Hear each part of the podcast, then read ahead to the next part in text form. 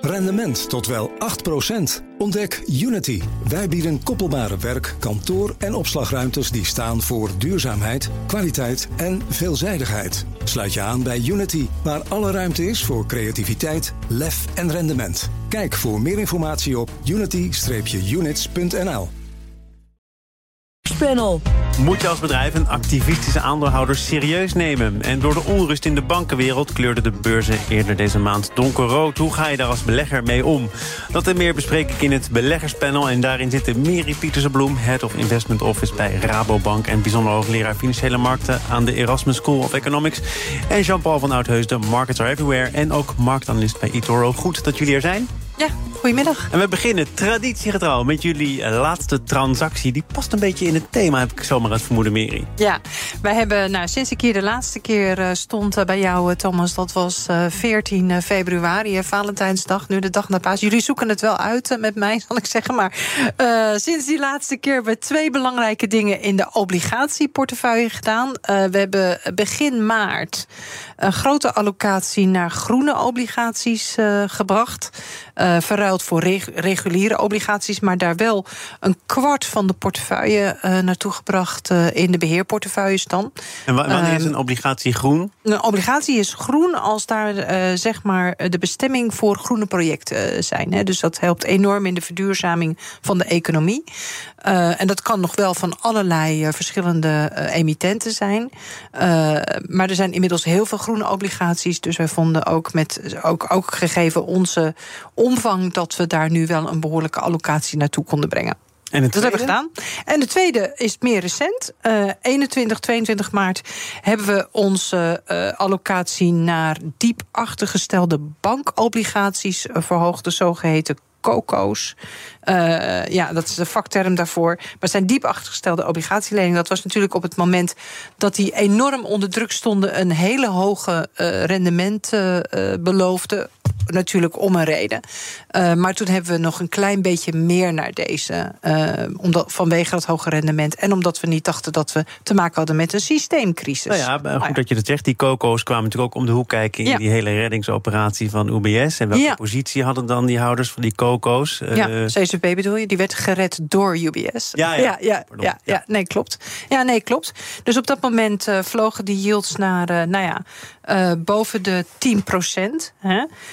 Terwijl nou ja, dat vergeleek zich met 4 procent op bijvoorbeeld high-yield obligaties. Dat zijn zeer risicovolle bedrijfsobligaties. Dus we hebben een stukje van die high-yield ingeruild voor die coco's. Jean-Paul, wat mag het zijn bij jou? Ja, het zit in dezelfde hoek. Uh, mijn complimenten trouwens. Jullie hadden meteen een heel uh, interview gegeven over die coco's. Vond ik erg leuk. Vaak hoor je van banken niet zo heel veel ja. uh, van wat ze nou precies doen. En dat ja. was echt meteen nou, ja, heel we snel. zaten boven op de bal dit keer. Ja, vond ik erg leuk om te lezen. Ja, ik zit in dezelfde hoek. Maar bij mij gaat het dan om privé-transacties. Maar ik heb aandelen ING en ASR gekocht. Eigenlijk met dezelfde insteek. Kijk, ik heb in 2008 zat ik midden in de financiële wereld die crisis meegemaakt. Dat is er nu voor mijn gevoel niet aan de hand. Je werkte toen bij ABN AMRO? Ja, ABN AMRO, uh, dat ging toen over naar Royal Bank of Scotland. Ja, dus ja. zowel in Amsterdam als in Londen, midden in alle penarie. Nou, dan weet je wel dat het echt anders is. Uh, dat zie je ook. Uh, ja, het is moeilijk om dat te vertellen, maar dat is dan natuurlijk aan de professionele kant. Maar je ziet het nu ook gewoon als je naar de spaarrentes kijkt. Die zijn veel lager dan toen. Toen was er echt paniek. Wilde banken die deposito's binnenhouden, boden ze 5% voor een jaar, weet ik nog wel, in 2008. Ja, dat zie je nu niet ja. terug. Dus ik dacht, nou, dat is wat overtrokken. Die aandelen gingen hard naar beneden. Niet kijk, kijk je naar dit soort maatstaven om te bepalen of iets wel of geen systeemcrisis is? Of is dat ook je onderbuik? Wat is het? Want er nou, was natuurlijk wel, en die periode ligt een beetje achter ons sprake van enige paniek. Ja, maar niet, naar mijn mening, binnen de banken zelf. En dat is altijd heel erg moeilijk om dat uit te leggen. Dat krijg je eigenlijk alleen maar mee als je daar rondloopt. En dan, dan proef je dat ook echt. En in 2008 was er echt wel... Uh, ja, het wordt allemaal wel professioneel uh, behandeld, maar er was echt wel paniek. Ja, en dat merk ik nu in ieder geval niet. Meer? Maar ja, nee, dat klopt. Ik ben, ik ben het helemaal met, met jou eens. Kijk, het ging toen voornamelijk over in 2008 over permanente verliezen op dubieuze uh, hypotheekleningen die in Amerika waren uitgegeven. Daarvan wisten we natuurlijk nog niet hoe breed verspreid dat uh, in de financiële wereld was. Daar kwamen we later achter dat dat best wel breed was. Uh, en nu gaat het eigenlijk om tijdelijke verliezen op uh, kredietwaardige obligaties dan in het geval van CCFB, die daarin had belegd. Uh, maar goed, die bank, en dat is wel weer ook een verschilletje met toen, werd wel razendsnel ook. Uh, en, en de bank daarvoor, de SVB, omgetrokken. Want tegenwoordig gaat het niet meer over een bankrun, maar over een, bank, een banksprint. zo snel kan het gaan. En, ja, en dan heb je denk ik nu meer te maken met de solvabiliteitscrisis dan met een uh, liquiditeitscrisis. Maar kapitaalbuffers zijn beter. Er zijn heel veel maatregelen op de 2008-crisis gevolgd, waardoor die banken er beter voor staan. Ik heb hier ook macro-economen uh, te gast gehad in de periode van die paniek, om het toch maar ja. zo uit te drukken. Die zeiden, nou, we hebben inderdaad best wel een vangnet opgetuigd... en er is gewerkt aan de kapitaalbuffers... maar we zijn eigenlijk toch nog niet klaar. Nee, nou, eh, de vraag is, weet je, eh, is het genoeg? Dat is denk ik wel een terechte vraag. Maar tegelijkertijd moet je ook realiseren dat bij een bank het eigen vermogen altijd heel, heel erg laag is. Hè? Dus als er eenmaal zo'n uh, bankrun op gang komt en het kan het heel snel gaan. Vooral als er onttrekkingen plaatsvinden. Dus mensen halen geld bij banken weg. Dan vermindert dat eigen vermogen. Dan wordt de bank eigenlijk door de regulator gedwongen om nieuw kapitaal op te halen. Dat moet ze heel duur betalen. En dan kom je in een hele nare spiraal terecht. En dan kan het gewoon heel erg snel gaan. Dus dat is wel, denk ik, het kenmerk van de bank. Maar wat je ook zag dit keer is dat de, de regulator en de overheden gewoon razendsnel waren met ingrijpen. Zowel in de Verenigde Staten als ook in Zwitserland. Maar in, de nasleep daarvan werd er toch ook gekeken door analisten, uh, aandeelhouders, naar een mogelijke volgende zwakke plek. Ik meen dat dat de Deutsche was. Toch eens kijken of daar het allemaal wel goed op de rit zit. Nou, bleek achteraf inderdaad allemaal mee te vallen, maar toch leek het een zoektocht te zijn naar: oké, wat is de volgende zwakke broeder? Uh, zijn we daarmee gestopt? Nee, want dat gaat voortdurend gaat dat door. Want zo werken de financiële markten. Er zijn genoeg mensen die denken... nou, eens even leuk, eens even kijken, prikken of er nog wat gebeurt. Maar bij Deutsche, die hebben wel in een positie gezeten... als Credit Suisse, als je het even hoog overdoet. Maar dat is echt al, hè, dat, dat dateert uit 2016. En daar zie je ook die regelgeving wel veel beter werken. Dus als je de risicovolle onderdelen van Deutsche langsloopt... dan zie je dat daar wel... Eh, stops ingebouwd zijn om het niet direct achteraan te gaan. Ja, als, als blijkt dat ze toch nog bijvoorbeeld hele slechte leningen hebben, er wordt zorgen gemaakt over uh, de, de vastgoedportefeuille die ze in Amerika hebben daar horen, gewoon onder uh, Nederlands of het uh, Europese toezicht, horen daar gewoon uh, afdekkende maatregelen tegenover te De reden om het nu nog ter tafel te brengen in het beleggerspanel was dat onderzoek van de ECB, waaruit bleek dat mensen hun geld van de bank haalden, of als je wat verder leest in het onderzoek, vooral verschoven. Maar het hing voor een deel ook samen met hogere lasten om überhaupt de maan door te komen, hogere energielasten. mensen die daar graag wat meer van wilden maken, misschien wel stemming wilden maken, zeiden toch: ja, zie je, er is wel degelijk sprake van het feit dat die banken hun geld verliezen, dat er geld ontrokken wordt aan die banken. Is daar toch een kern van waarheid in te vinden, Miri? Ja, ik vind, uh, ik vind de nuance hier in dit verhaal telt. Uh, in de eerste plaats is het heel erg, uh, het beeld heel erg wisselend over Europa heen. Dus in, in Nederland zien we veel minder uh, deze onttrekkingen bij particulieren, heb ik het dan over, dan wellicht in, uh, in andere delen van Europa. En in de tweede plaats zijn het met name bedrijven uh, die natuurlijk reageren op een wat steilere rentecurve. En die heel rationeel in mijn beeld uh, gewoon geld van een, uh, ja, van een lopende rekening verschuiven naar een wat langere termijn spaarrekening. Geld, of naar geldmarktfondsen die wat meer rente bieden. Dat is, die geldmarktfondsen die zijn heel lastig te bereiken voor particulieren. Als je een beleggingsrekening opent, bijvoorbeeld bij ons of bij andere partijen, dan kan je in een geldmarktfonds beleggen. Uh, maar dan, telt het als een belegging. En, en niet zeg maar. He, een bedrijf kan daar makkelijker inschuiven. En dat is wat je gezien hebt. Wat gaan we denk je zien aan eh, renteontwikkelingen? Het is de week van eh, de Fed en de ECB komen met nieuwe rentebesluiten. Verwacht wordt een kwartje erbij voor de Fed, 50 basispunten voor de ECB.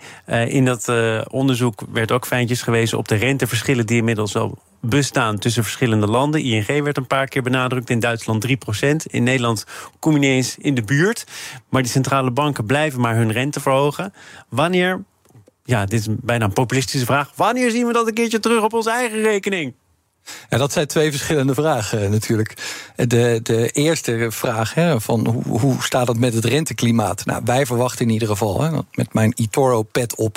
dat nu door de ontwikkelingen in Amerika uh, dat we eigenlijk veel sneller zien dat de centrale bank in Amerika over zal gaan tot een verlaging. We verwachten dat nu eigenlijk nog voor het einde van het jaar. Een verlaging van de rente, dus niet een. Dat ze toch geschrokken zijn. Maar verlagen. Ja, precies. Dus dat die, dat die piek er al bijna is. En dat er wordt al gespeculeerd op uh, dat ze op een gegeven moment zeggen: Nou, we hebben misschien wel uh, genoeg gedaan, of misschien wel zelfs een beetje te veel. Uh, dat is in ieder geval wat we bij de marktrente zien gebeuren. De Amerikaanse rentes die zijn al flink aan het dalen. Dus als je dat vertaalt uh, naar je spaarrekening. Kijk, in Amerika kan je al bijvoorbeeld zo'n money market fund, wat jij noemt, dat kan je al iets van 4,5% opkrijgen. Nou, als je kijkt naar de systeembanken daar, JP Morgan, Citi, Wells Fargo, die allemaal aanstaande vrijdag met uh, resultaten komen. Ja, die bieden geloof ik 0,1% op een spaarrekening. Dus uh, ja, op het moment dat zij zien dat er heel veel mensen weggaan, dan zullen ze die rente waarschijnlijk gaan verhogen. En dat is hier denk ik bij de grootbanken niet anders. Wat verwacht jij van die centrale banken en hun rente? Besluit? Ja, het is. Uh, nou ja, wij denken dat straks na de, de volgende ronde van rentebesluiten. Wij zien ook nog wel renteverhogingen in het uh, vat zitten, met name deze week en de komende weken. Dat we dan toch wel waarschijnlijk de piek voorbij zijn. Het blijft wel heel lastig en ook nog wel een beetje koffiedik kijken met die inflatie. De ene keer worden we verrast en de andere keer krijgen we weer een tegenvaller vanuit beleggingsoptiek gezien. Hogere inflatie is slecht, want dat leidt tot hogere renteverhogingen. En dat is toch veel, heel erg lastig om te verwerken voor financiële markten. Maar de piek voorbij, denk ik. We gaan naar uh, een volgende piek in dit uh, panel, namelijk deel 2. BNR Nieuwsradio. Zaken doen. Thomas van Zeil. De leden van het beleggerspanel zijn vandaag Mary Pietersbloem en Jean-Paul van Oudheusden. Wij gaan het hebben over vier Nederlandse beleggers die de activistische aandeelhouder Follow This steunen in hun strijd tegen het energiebedrijf Total Energie. Follow This eist een duurzamer totaal en snel ook. Het moet op de volgende aandeelhoudersvergadering eind mei voor elkaar worden gebokst. Um, hoeveel kracht, overtuigingskracht heeft Follow This inmiddels? Jean-Paul. Nou ja, ze hebben in ieder geval vier grote beleggers aan hun uh, zijde weten te krijgen.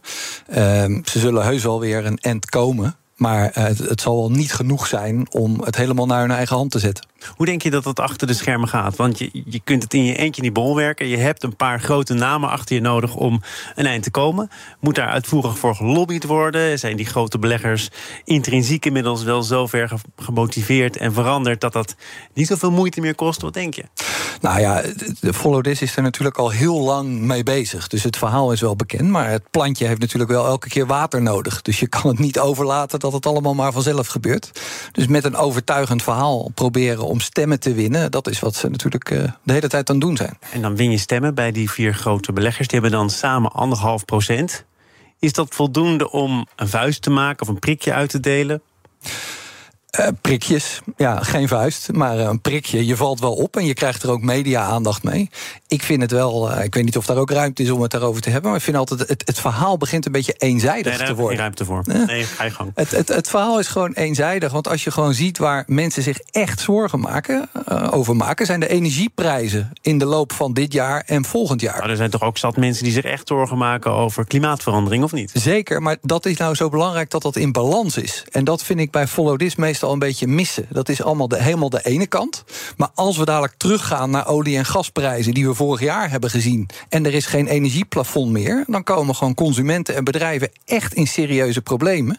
En dat is als je nu bijvoorbeeld de energieprijzen vergelijkt voor Europese bedrijven met Amerikaanse. Ja, dan hebben we gewoon een hele slechte concurrentiepositie hier. We gaan het eventjes uh, terugvoerend op die laatste transactie van Meri. Die groene obligaties en toch wel de verplichting die jij voelt om bij te dragen aan uh, de transitie. Overigens is ja. dat niet nieuws van vandaag. Hè. Jij benadrukt dat bijna elke keer dat je hier bent. Zeker. Hier aan de andere kant staat nu Jean-Paul, die zegt het is tamelijk eenzijdig. Er spelen wel meerdere belangen. Ja, uh, uh, kijk, het, het gaat hier natuurlijk over de, over de klimaatdoelen. Die worden dan hier vooropgesteld. Ik denk wat, wat dit met name een signaal voor is, is dat die klimaatdoelen, ja, daar hebben we afspraken over gemaakt. Die hebben we ook bij wet, uh, zeg maar, vastgelegd. Hè, via onze binding aan de klimaatakkoorden van Parijs in 2015. En je ziet nu op steeds bredere schaal en steeds vaker dat bedrijven. Uh, maar ook overheden daarop worden uh, aangesproken. Dus hier is het verzoek van: jullie moeten je klimaatdoelen gaan, uh, gaan aanscherpen. ik vind het niet een heel vreemd verzoek. Je gaat dit, op, op steeds, je gaat dit steeds vaker zien. Uh, dit, en nou ook naarmate zeg maar, de deadlines voor die uh, klimaatdoelen steeds dichterbij komen. En die doelen gaan dan niet over je, je eigen uitstoot. Hè? Het gaat met dit soort grote maatschappijen ook over wat doen je klanten, wat doen je leveranciers, ja, scope 2 ja. en 3. Ja. En daar zit hem vooral een beetje de kneep. Dat is ingewikkeld. Daar gaat het echt pijn doen. Maar uh, wat is jouw reactie op het verhaal dat er ook nagedacht moet worden over betaalbaarheid. Betaalbaarheid van fossiel, waarvan men weet dat het ook voorlopig nog wel nodig zal zijn. Ja, nou, ehm, die is natuurlijk terecht. En daarbij ga je kijken van ja, wat is dan de meest effectieve actie die je als belegger ook kunt voeren ten aanzien van de hele brede sector. En dan wil ik ten aanzien van Totaal Energie toch ook wel even noemen dat zij eigenlijk het bedrijf zijn die nog het meest geld investeren, uh, 35 procent maar liefst, in naar oplossingen en, en onderzoeken voor duurzame energie. En dat is veel hoger uh, dan dat bijvoorbeeld veel andere Amerikaanse energiebedrijven doen, maar ook Shell en British Petroleum. En die onderzoeken gaan dan over groene, uh, groene hydrogen-energie. Uh, uh, zonnepanelen, biofuels en, en, en dergelijke. Ja. Ik, ik kwam een, een eerder interview tegen met de topman van Total Energie. En die zegt: Ik ben van goede wil. Ik wil echt wel investeren in groene energie. Doe ik ook, maar niet tegen iedere prijs. De bedragen die ik op dit moment moet betalen voor groene projecten zijn belachelijk. Ja. Heeft u daar gelijk in? Nou, tot op zekere hoogte wel. Want uh, kijk, het draait maar om. Kijk maar naar bijvoorbeeld naar een bedrijf als Vestas. Die zitten in windenergie. Nou ja, die hebben vorig jaar 1,2 miljard verlies gedraaid doordat ze zoveel geld kwijt zijn aan energie om die windmolenparken te bouwen. Dus uh, het is natuurlijk een hele rare puzzel. Er zijn ook meer negatief uitgekomen. Ja, en dan kan ik me voorstellen dat ook bij Total Energies te zeggen: ja, wil je dan dat ik zoiets gaat doen, dan krijg ik niet echt de handen voor op elkaar. Het is niet zo dat er niks verdiend wordt. Hè. Ook Total Energie heeft eh, dividenden kunnen uitkeren aan zijn aandeelhouders. Natuurlijk de afgelopen periode is het meermaals gegaan over wat er onderaan de streep overblijft bij dit soort grote maatschappijen. Ja, maar er wordt uh, weinig tot niets verdiend op van die projecten waar bijvoorbeeld een Vestas wel in zit. En daar moet je toch gewoon je berekening maken van kan het uit. Dan kan je nog steeds beslissen dat je zegt, nou het is een investering, dat hebben we nodig voor de lange termijn. En ik denk dat ze daar graag uh, onderdeel van de discussie zijn en er niet buiten geplaatst willen worden. Kost gaat voor de baat uit? Ik denk wel voor een belangrijk deel, ook, maar dat is ook, zo kijken we ook wel naar die groene obligaties uh, daartegen aan. Is dat je wilt de financiering beschikbaar maken voor bedrijven om uh, naar dat soort projecten te goede te kunnen laten komen. Maar je, je hoopt ook nog steeds, of je, ja, je bouwt er ook nog steeds op dat uh, de besturen van die bedrijven de juiste besluiten nemen om te kijken of het op den duur natuurlijk wel uit kan. Want niemand is erbij gebaat dat dit soort bedrijven omvallen, hun obligaties niet kunnen terugbetalen, maar ook vooral niet de groene transitie kunnen bewerkstelligen. We gaan naar uh, een korte vooruitblik, want uh, je hint er al op, er komen cijfers naar buiten. Uh, te beginnen deze week al. Uh, het eerste kwartaal van 2023, daar gaat het dan om. Dat is natuurlijk dat kwartaal waarin ook die onrust zit. Uh, waarin het ja. wel eens beter is gegaan. de cijfers, de jaarcijfers die iets eerder naar buiten kwamen, die vielen alleszins mee. Houden we dat goede humeur vast, denk jij, Jean-Paul? Ja, dat zal er ontspannen. Ik denk dat we uh, erg benieuwd zijn, uh, zeker aanstaande vrijdag bij die grote Amerikaanse banken. Kijk, waar iedereen natuurlijk naar kijkt, is van uh, hoe is daar de ontwikkeling van de deposito's, van de spaargelden. nou, en als dat meevalt. Uh, dan kan het best wel zijn dat uh, de beurs denkt: weet je, dat is een goed begin. Volgende week hebben we natuurlijk uh, ook nog wel een, een aantal techbedrijven die komen: ASML, Tesla, TSMC. Die hadden nu een wat lagere omzet in maart. Ah, dat is niet meteen om je zorgen over te maken. Maar uh, een week vanaf nu, dan weten we wel heel veel meer. Ja, en je moet misschien ook een onderscheid maken tussen de verschillende bedrijven. De techreuzen zitten op een heel andere manier in elkaar, zijn op een heel andere manier gefinancierd. Absoluut. Dan uh, de, de waardeaandelen, denk ik. Ja. Ga je, ga je dat heel erg duidelijk terugzien? Uh, nou ja, sowieso. Want dat is. Uh, hè, en daar heeft natuurlijk ook de ontwikkeling van die rente uh, heel veel invloed op. Hè, want dat zie je nu omdat de marktrente aan het dalen is. Ja, dan schieten die tech-aandelen weer omhoog. Want dat was nou net de reden waarom dat die werden afgewaardeerd. Dus daar mag het nodige van verwacht worden, Miri? Ja, nou, ik denk dat uh, als we naar het hele brede plaatje kijken, dan denken we dat uh, de inflatie druk aan het afnemen is. Uh, we zien ook wel, de, we zien daar dus wel enige verbetering uh, in het vat in, uh, in Q2. We zien ook dat bijvoorbeeld versle verslechtering van het winstmomentum afneemt. Dus gematigd optimisme, voorzichtig optimisme over de, over de groei. De verslechtering van het winstmomentum. Ja, dus dat is heel ingewikkeld. Maar je ziet, ja. je ziet eigenlijk, je ziet eigenlijk de winstgroei was, was negatief. Oké. Okay. En je ziet eigenlijk de negativiteit in die groei wat afnemen. Dus de groei klimt langzaam weer terug naar, naar positief. Maar goed, het is allemaal heel voorzichtig. Het is allemaal heel gematigd. Wij hebben een basisscenario waarin we uitgaan van geen winstrecessie. Dus wel een stagnatie van de winstgroei, maar geen winstrecessie. Maar goed, we, keren nog steeds ook een 20% kans aan het scenario toe waarin dat wel gebeurt. Dus we houden het vooralsnog een beetje op een neutrale uh, positie aandelen ten opzichte van obligaties. We hebben wel in beide delen, obligaties en aandelen, wat meer risico opstaan dan de markt, denk ik.